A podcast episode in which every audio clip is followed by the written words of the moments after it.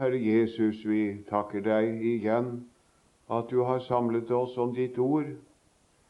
Det er en stor nåde.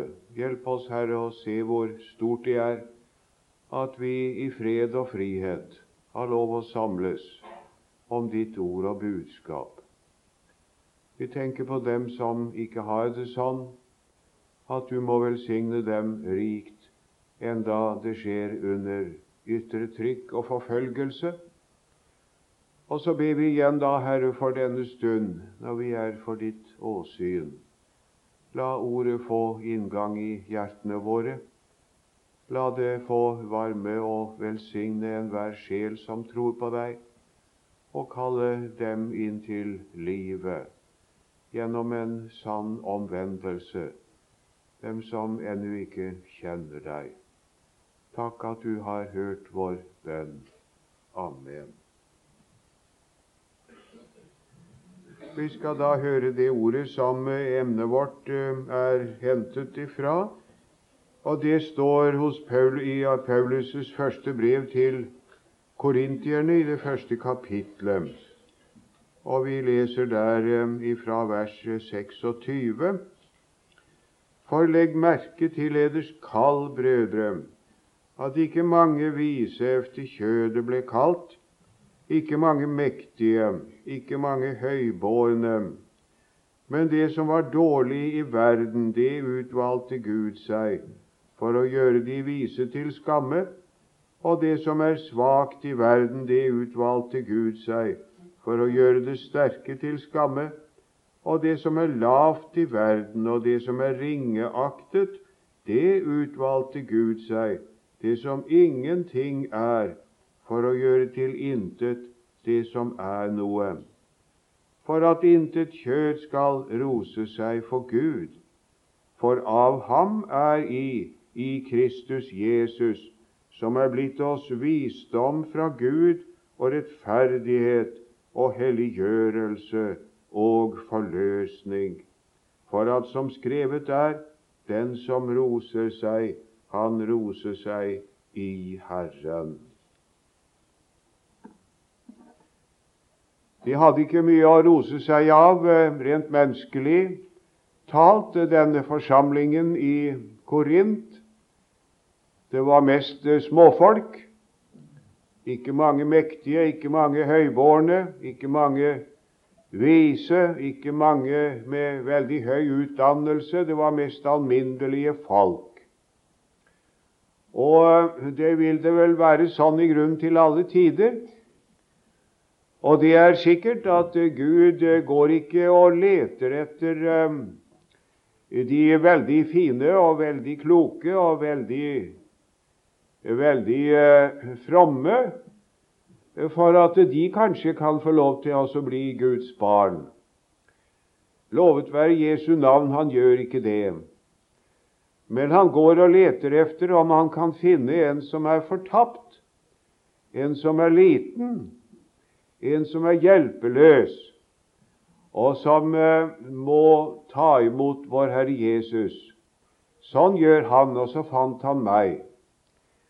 Og det vil jeg prise Hans navn for i dag. Han går ikke og leter efter fullkomne mennesker, voldsomt kloke mennesker, veldig hellige, fromme, snille, og de snilleste og frommeste og, og beste og klokeste han finner, dem frelser han. Nei, sånn gjør han ikke.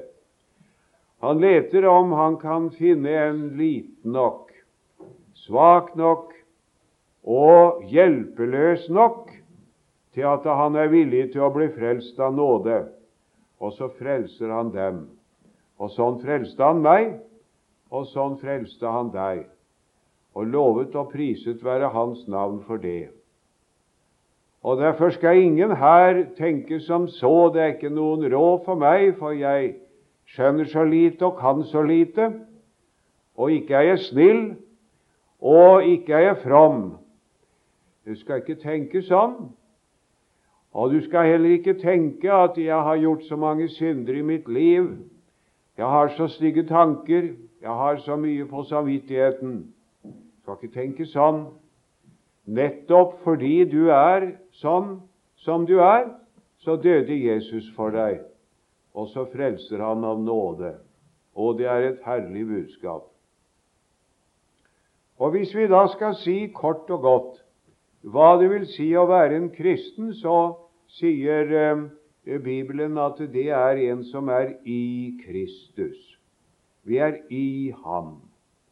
Om igjen og om igjen så kommer dette ordet at eh, vi er i Ham. Vi er mange, vi som er kristne, sier han i Romerne 12,4, men vi er alle ett i Kristus.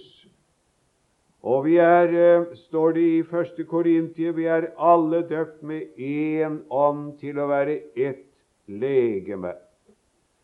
Og så sier han i Romerne 8 dette herlige ord at det er ingen fordømmelse for dem som er i Kristus Jesus. Og I Kolossebrevet så sier han at like som vi mottok Kristus som Herre, så skal jeg vandre i ham. I ham. Om igjen og om igjen og om igjen så kommer dette ordet i ham. Og eh, når vi da er i ham, så har vi alt i ham.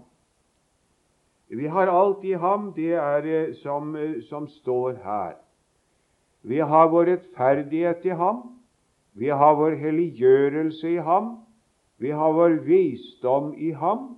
Og vi har vår forløsning i ham. Hvis de småguttene der kunne sitte stille, eller også gå ut, så var det bra. Vi har vår forløs, vi har vår rettferdighet i ham. Vi har vår helliggjørelse i ham og vi har vår visdom i ham og vår forløsning i vår Herre Jesus Kristus. Og vi skal få lov til å ha alt sammen i ham.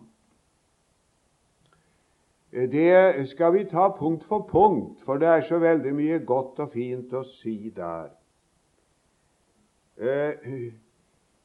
Vi har vår visdom i vår Herre Jesus Kristus. Vi har et lite vers som vi sang på søndagsskolen, det husker jeg så godt, hjemme i Sarpsborg. Og Jesus, gi du ville mitt hjerte danne så, at årlig det og silde ditt tempel være må. Du selv min gjerne vende fra verdens kloke flokk, og lær meg deg å kjenne, så har jeg visdom nok. Visdom nok det har vi i vår Herre Jesus Kristus. Det har vi i Ham. Jeg eh, gikk forbi et, eh, et vindu inne i Oslo her forleden dag. Der hang det en hel del blader til salgs. Jeg pleier ikke å kjøpe sånne blader, og det gjorde jeg ikke denne gangen heller. Men jeg så en stor overskrift i et av dem. 'En ny vei til Gud', sto det. Ja, tenkte jeg, det skal vite hvor mange veier som menneskene har funnet ut. Den som er så lykkelig å kjenne vår Herre Jesus, han vet at jeg har visdom i ham. Jeg behøver ikke vite mer. Når jeg kjenner ham, så vet jeg alt som er nødvendig for meg, arme stakkar, å vite om veien til Gud, om livet og om evigheten. Jeg har visdom i ham. Og jeg vil be denne enkle barnebønnen så lenge jeg lever. Du selv, min gjerne venne, fra verdens kloke flokk, og lær meg deg å kjenne, så har jeg visdom nok. Og når jeg ser på, eh, ser på, se på historien og tenke på noen av de største og fineste og beste mennesker som jeg vet om, så har det vært sånne som har bøyet seg for vår Herre Jesus Kristus og hatt sin visdom i ham. Jeg tenker på den store filosofen og matematikeren Pascal i Frankrike. Det er vel et av de mest blendende intellekt som har vært på jorden. Ja, det tør man da ganske sikkert si. Et uh, usedvanlig begavet menneske. De fant et papir som han hadde sydd inn i klærne sine da han var død.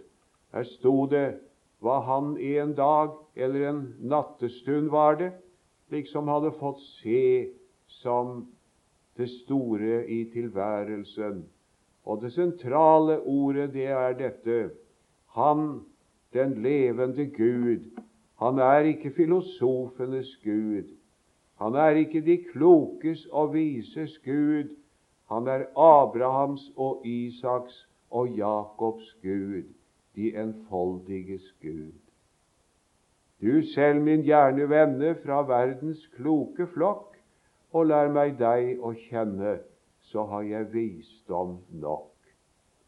Du skal ikke la deg imponere, min kjære venn, av mennesker som kommer og sier at de er foreldet, de er gammeldags, de er, det, det er ikke til å tro på lenger.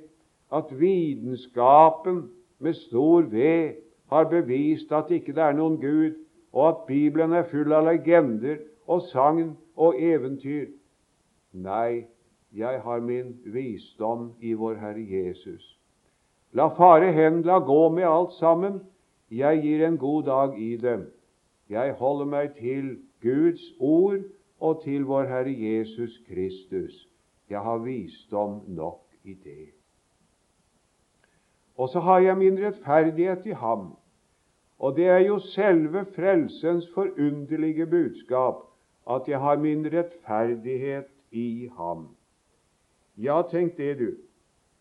Det, det, det å være rettferdig for Gud, det å kunne bestå for Gud, ja, det er det store, ja, til syvende og sist, det egentlige eh, spørsmål som vi mennesker har å tenke på.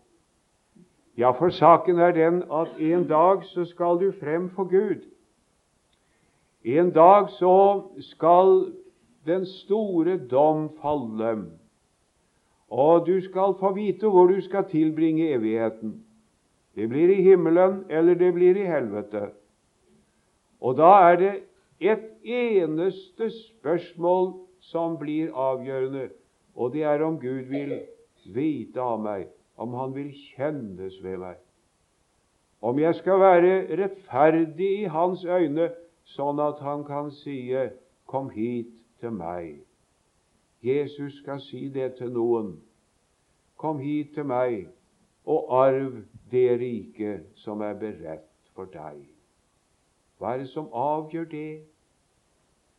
Hvordan skal jeg kunne være rettferdig for Gud? Jo nærmere jeg kommer Gud, dess tydeligere ser jeg jo at jeg er ikke rettferdig. Jeg er en synder, som vi ble minnet om det her til å begynne med. Det er ikke Han hundret seg over det Hundestad at det til og med presten, som skulle være en kristelig mann og en hellig mann, at han også kjente den onde lyst. Det var en pike som drømte at hun var kommet inn i en kirke. Det var så mørkt der. Og var det bare ett lys, og det var helt oppe ved alteret, så gikk hun oppover imot det. Og da hun hadde kommet et stykke oppover, så begynte hun å se litt på seg selv, og så fikk hun se at det var stygge flekker på kjolen hennes. Hun ble så forskrekket. Men hun gikk videre, og jo nærmere hun kom opp til lyset, til tydeligere så hun og Nei, men hvordan ser jeg ut? Jeg er jo så Det er flekker, stygge flekker. Og da hun var helt oppe ved lyset, så var det ikke annet enn et skittent klesplagg som hun hadde på seg. Jo nærmere en kommer Herren, dess tydeligere ser en det. Synd og skyld og gjeld og brøde mange, mange tusen pund. Hvordan kan jeg da bli rettferdig for Gud? Ja, det står så fint det ordet hos Sakarias om ypperstepresten Josva som sto for Herren. Og han var skjedd i en skitten kledevånd. Og så sa Herren til ham, ta av ham den skitne kledningen og ifør ham en ren kledning. Og det er det som skjer når et menneske blir frelst. det er ikke at han forandrer seg selv, og omsider får liksom tuktet seg selv og forbedret seg selv, sånn at nå tenker han bare hellige tanker og gjør bare gode, hellige handlinger. Da han kan nok, han kan nok legge av noen ytre synder. Han kan slutte å banne, han kan slutte å drikke, han kan slutte å drive hor. Han kan bli en redelig mann i sin forretning. Ja, det kan han nok gjøre, men han er ikke rettferdig for Gud med det. Nei, nei, han ser tydeligere enn noen gang, enda han har forbedret seg. Jeg står for Gud som allting vet, og slår mitt øye skamfullt ned. Ja, men hvordan kan han da bli rettferdig for Gud? Du, det går for seg ved rettferdiggjørelsen, det som Bibelen taler om. Og rettferdiggjørelsen er ikke at jeg blir gjort rettferdig, men at jeg blir iført Jesu Kristi rettferdighet. Det er det. Gud frikjenner meg i sin dom. Det er det som skjer. Og da, kan, da, da er det det forunderlige at jeg liksom bytter drakt med Jesus. Det skjedde på Golgata. Han som var uten synd, han ble iført alle menneskers synd, sånn at han ble en forbannelse for oss. Så Gud handlet på Golgata som om Jesus var den eneste synder i verden. Og så ble all vrede, all straff, all dom lagt på ham. Det skjedde i forsoningen på Golgata. Det sier Bibelen. Og så når en sjel omsider begynner å høre, som vi hørte her, Hør evangeliet sånn at han sukker i sitt hjerte Akk, Herre Jesus, jeg vil være din. Han hører omsider evangeliets ord. Hva skjer? Og jo, da skjer det som Brorson har sagt så fint i sin salme. Gud for alle riker dømmer selv og siger denne han er fri. Han er tod i Jesu blod. Satans synd og død må rømme. Hvor vil meg fordømme? Ja da, og det står så fint i den Blixes gjendiktning av brorsans salme. Det er nesten så det er blitt enda bedre. Hvem vil meg fordøme?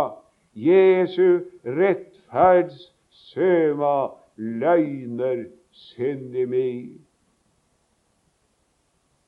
Klagaren må teia, dommeren vil seia, du er frelst og fri. Å, så stort det er! Når jeg står frem for Guds dom, sier Luther, så kommer djevelen og anklage meg, og loven og anklage meg, og min egen samvittighet anklager meg. Ja, ja, men eh, da står Kristus frem ved min side, og så sier han 'Jeg er denne synder'. Og så får jeg lov til å si 'Jeg er Kristus'. Og tenk, så er jeg rettferdig for Gud i ham. Jeg kan ikke bli mer rettferdig. Og det kan ikke jeg se. For akk, tenk hva jeg ser. Og det kan heller ikke du se. Om du kjente meg nå, så skulle du nok få se. Det var alt annet. Og ja, men Gud ser det. Gud ser meg i Kristus som om jeg aldri hadde syndet, sier den gamle katekismeforklaringa. Og det herlige ord, det er rettferdiggjørelsen. Rettferdiggjørelsen, sier Pontoppidan, det er at den, den treenige Gud av bare nåde og for Kristi skyld tilgir den angrende og botferdige synder, og ettergir ham all syndens skyld og gjeld, og i stedet anser ham i Kristus som om han aldri hadde syndet. Det er rettferdig i Kristus Jesus. Det er ikke min rettferdighet. Det er en annen Jeg står for Gud i en annen manns rettferdighet. Jeg står i stedfortrederens rettferdighet. Jeg står i Kristi rettferdighet. Og Derfor skal du, min venn, ikke vente noen annen rettferdighet for Gud enn den du har i Kristus. Da er jeg fullkommen ren og rettferdig. Og når da, når da anklageren kommer, når djevelen kommer og, og, og, minner meg om mine gamle synder, og loven dømmer meg og sier du er, du er fortapt, du er en synder og Moses kommer og slår og anklager. Jeg tar min tilflukt til Jesus. Jeg tar min tilflukt til ham. Jeg er hellig og ren for Gud i Jesu Kristi rettferdighet. Hvem vil meg anklage og for dommen drage hen til Sinai, der hvor lovens torden lyder? Hvem vil meg anklage og for dommen drage hen til Sinai? Synden meg, jeg bekjenner meg til Jesus venner, og så er jeg fri. Møt meg da på Golgata. Jesus vil min sak antage. Hvor vil meg anklage? Jeg er, har min rettferdighet i ham. Min rettferdighet er i himmelen. For Jesus er min rettferdighet, og han står alltid for Gud, og han kan se den. Og så har jeg min helliggjørelse i, i, i vår Herre Jesus, og jeg ville gjerne si til deg Vent aldri noen helliggjørelse på noe annen måte enn at du har den i vår Herre Jesus Kristus.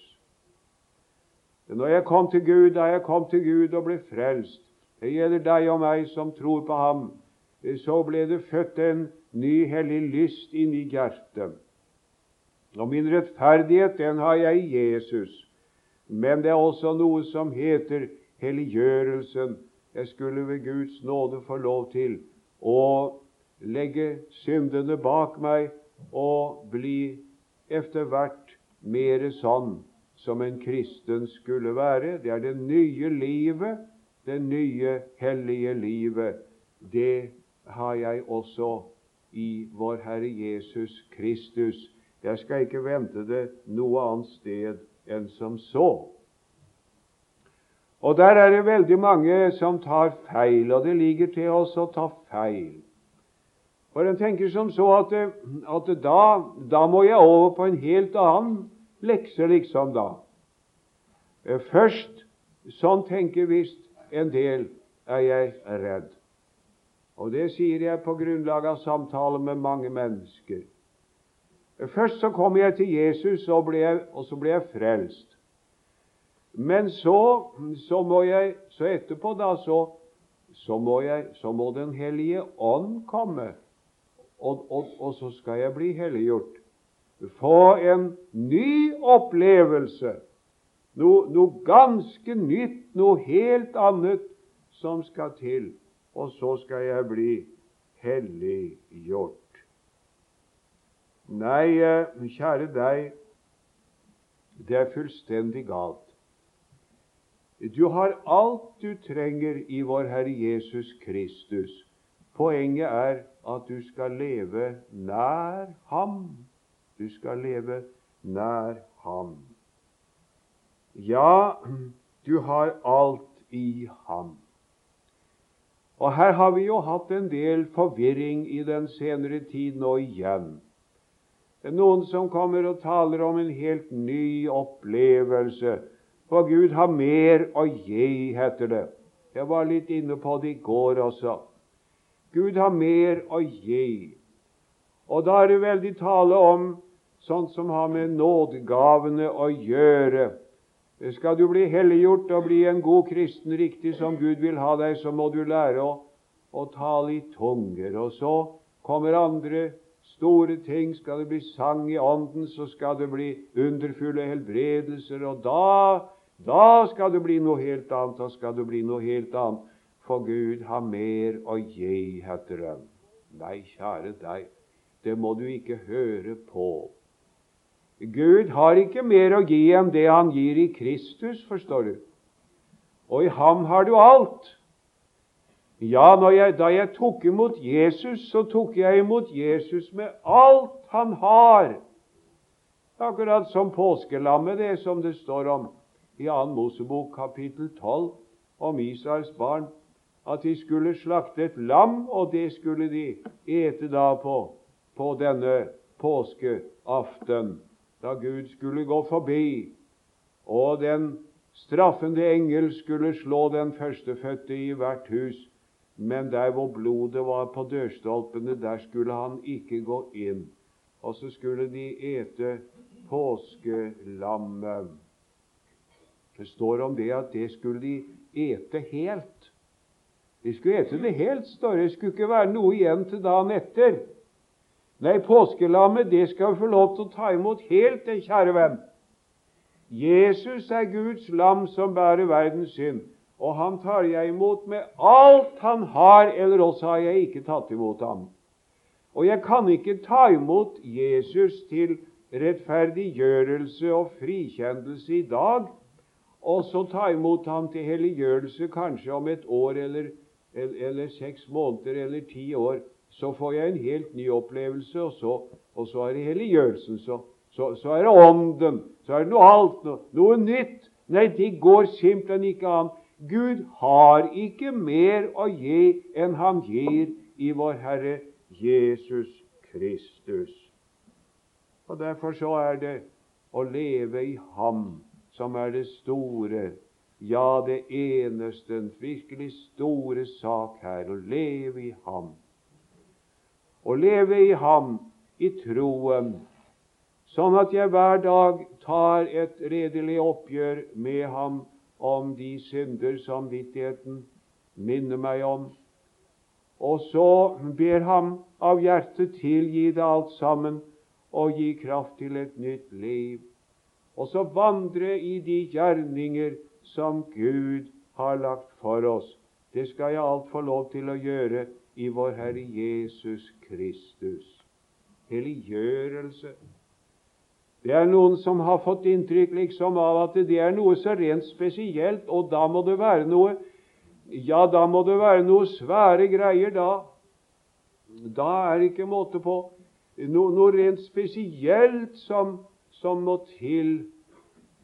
Jeg leste et herlig ord av Luther her forleden dag i en preken, når han uh, snakker om noen som var så svær til å snakke om, om hellige handlinger som Gud hadde behag i. En skulle gå i kloster, vet du, den gangen da. Eller man skulle reise på pilegrimsferd til Spania, til Sankt Jakob i Compostela, eller til Rom, eller kanskje endog til Jerusalem. Det var, og, og man, skulle, man skulle faste. Ja, det var så mange veldige sager og hellige, åndelige ting som en skulle gjøre for å behage Gud. Så sier Luther Nei, vi alminnelige kristne, sa han, vi har, vi har nok med syndenes forlatelse og de ti bud, vi, sa Vi har så travelt med de ti bud og, og, og ære og hjelpe far og mor, og, ikke gjøre naboen noe galt, men hjelpe ham og støtte ham i alle ting, og leve et rent liv i tanker, ord og gjerning, og så fylle våre daglige plikter. Nei, vi har så travelt med syndenes forlatelse, også Guds ti bud, hvis han, så vi har ikke noe til overs for all denne megen hellighet. Og det er et herlig ord. Nei, vent ikke din helliggjørelse av noe annet enn å leve i Jesus. Og finn ikke på noen ting. Jeg husker hva han sa, doktor Lundby. Han fortalte Det var jo en mann som hadde mye sjelsorg, vet du. Og når det kom til ham folk da som eh, hadde levet kanskje et verslig liv, og, og, og, nå ville de gjerne få gitt seg over til Gud og bli kristne. Og, og så så ba de jo til Gud da gjerne før den samtalen sluttet, og idet de gikk, så pleide Lundby si Så sier jeg gjerne til dem, sa Lundby, nå må du ikke finne på noe, da. Finne på? Hva mener du med det? Ja, for det gjør de gjerne, de som da gir seg over til Gud da det blir så ivrig med å finne på et eller annet, eh, annet spesielt som de skal gjøre, og som de tror er så spesielt kristelig. Tenk litt på de ti bud. Tenk litt på far og mor. Tenk litt på naboen. Tenk litt på at det ligger syke folk rundt omkring, og gamle som er ensomme. Tenk litt på de nærmeste ting. Tenk på det Gud har sagt at du skal gjøre, og hold deg nær til Ham. Helliggjørelsen i Ham. Jeg har liten respekt for all denne påtatte hellighet som de vil tre ned over hodet på oss. Jeg har nok med syndenes forlatelse, også de ti bud. Gud hjelpe meg så sant til å leve etter det. Og ja da, vi skal ikke vente noen helliggjørelse fra noe annet sted enn ifra vår Herre Jesus. Vi skal f.eks. ikke vente noe helliggjørelse fra en åndsdåp som skal gi oss noe som jeg ikke hadde før. Det har vært så mye snakk om åndsdåp eller andre navn som de får på det, og som noen kristne har hatt, og andre ikke hatt. Det er noen kristne som er åndsdøpt, og så noen som ikke er åndsdøpt. Er da merkelig. Det står det motsatte i Bibelen. Vi er alle døpt med én ånd til å være ett legeme, står det i 1. Korinterbrev kapittel 12. Der kan du lese det selv. Bibelen kjenner ikke den forskjell på mennesker at det er noen kristne som hører Jesus til, men de er ikke åndsdøpt. Og så er det noen som, som på toppen av det også har hatt en spesiell opplevelse, så de er blitt åndsdøpt. Nei, hva er det for noe? Og så driver mennesker og sukker og klager og bærer seg og, og reiser hit og reiser dit og tenker så på om de kunne bli åndsdøpt. Min kjære venn, hvis du er frelst og hører Jesus til, så er du åndsdøpt. For hvis ikke du har vår Herre Jesu Kristi ånd, så hører du ham ikke til, sier Bibelen. Det er ikke mer enn et slags kristne, min venn. Og det er de som har syndenes forlatelse ved troen på Jesus og står hellig og ren for Gud i Jesu Kristi rettferdighet, og som ber ham om nåde og kraft til å leve efter Hans bud hver dag. Noen har kommet noe lenger, og noen har, har kommet noe kortere. Og noen har en, en, en, en god og vennlig natur slik, og, og, og, så de, de, andre har ikke det. Det er forskjell i så måte, men vi står likt for Gud. Vi står likt for Gud. Kristendom er kristendom. Og det fins ikke to slags kristne, noen åndsstøpte og noen som ikke er åndsstøpte. Det må du ikke høre på. Det er i strid med Bibelen. Nei, vent ikke noen helliggjørelse av noe som helst annet enn av å leve godt og sunt med Gud. Og istedenfor å bemøye deg så voldsomt om sånne ekstra ting som du skal oppleve, så kan du heller tenke på om ikke det ligger et sykt menneske et eller annet sted, eller sitter en gammel stakkar et eller annet sted, som du kunne gå til og lese Guds ord og be til Gud med. Det var mye bedre. Tenk på det. Vi alminnelige kristne har så travelt med syndenes forlatelse og de ti bud så vi kan ikke bry oss med all denne megen hellighet, sa Luther. Og det syns jeg var et deilig, et deilig ord. Og så har vi vår forløsning i vår Herre Jesus Kristus. Og det, det ordet det betyr jo egentlig fri, å bli frikjøpt. Det er så godt å tenke på at det har vi i vår Herre Jesus Kristus. Og når jeg tenker på det ordet forløsning, så går mine tanker i hvert fall helst til den stund som rykker nærmere for hver dag, da, da jeg skal ut av denne verden. Den dag som jeg skal ut av denne verden. Ja, ja, kanskje kommer Jesus snart. Mye kan tyde på det. Sånn at jeg skal få lov til å være blant dem som blir overkledt med min bolig fra himmelen og ikke avkledt, som, som apostelen skriver til korintierne. Noen som skal leve den dagen Jesus kommer. Og, og da skal de døde i Herren først oppstå, og så vi som lever, som er tilbake når Herren kommer, vi skal sammen med dem rykkes i skyer opp og møte Herren, og så skal vi alltid være med Herren. Da skal jeg ikke avkledes, det vil si jeg skal ikke dø, men overkledes, det vil si opprykkes og tas med vår Herre Jesus. Kanskje kommer Han ganske snart, så skal vi ikke dø, vi som hører Jesus til, men gå hjem sånn som Enok. Underlig å tenke på. Men hvis han enda venter en stund, så skal vi dø. Og eh, det er så med meg i hvert fall at ettersom jeg jo er blitt eldre, har passert 70 for flere år siden, så vet jeg jo det kan ikke under noen omstendighet bli veldig lenge til at den dagen kommer. Hva da? Ja, ja, det, det eh, tenker en på somme tider.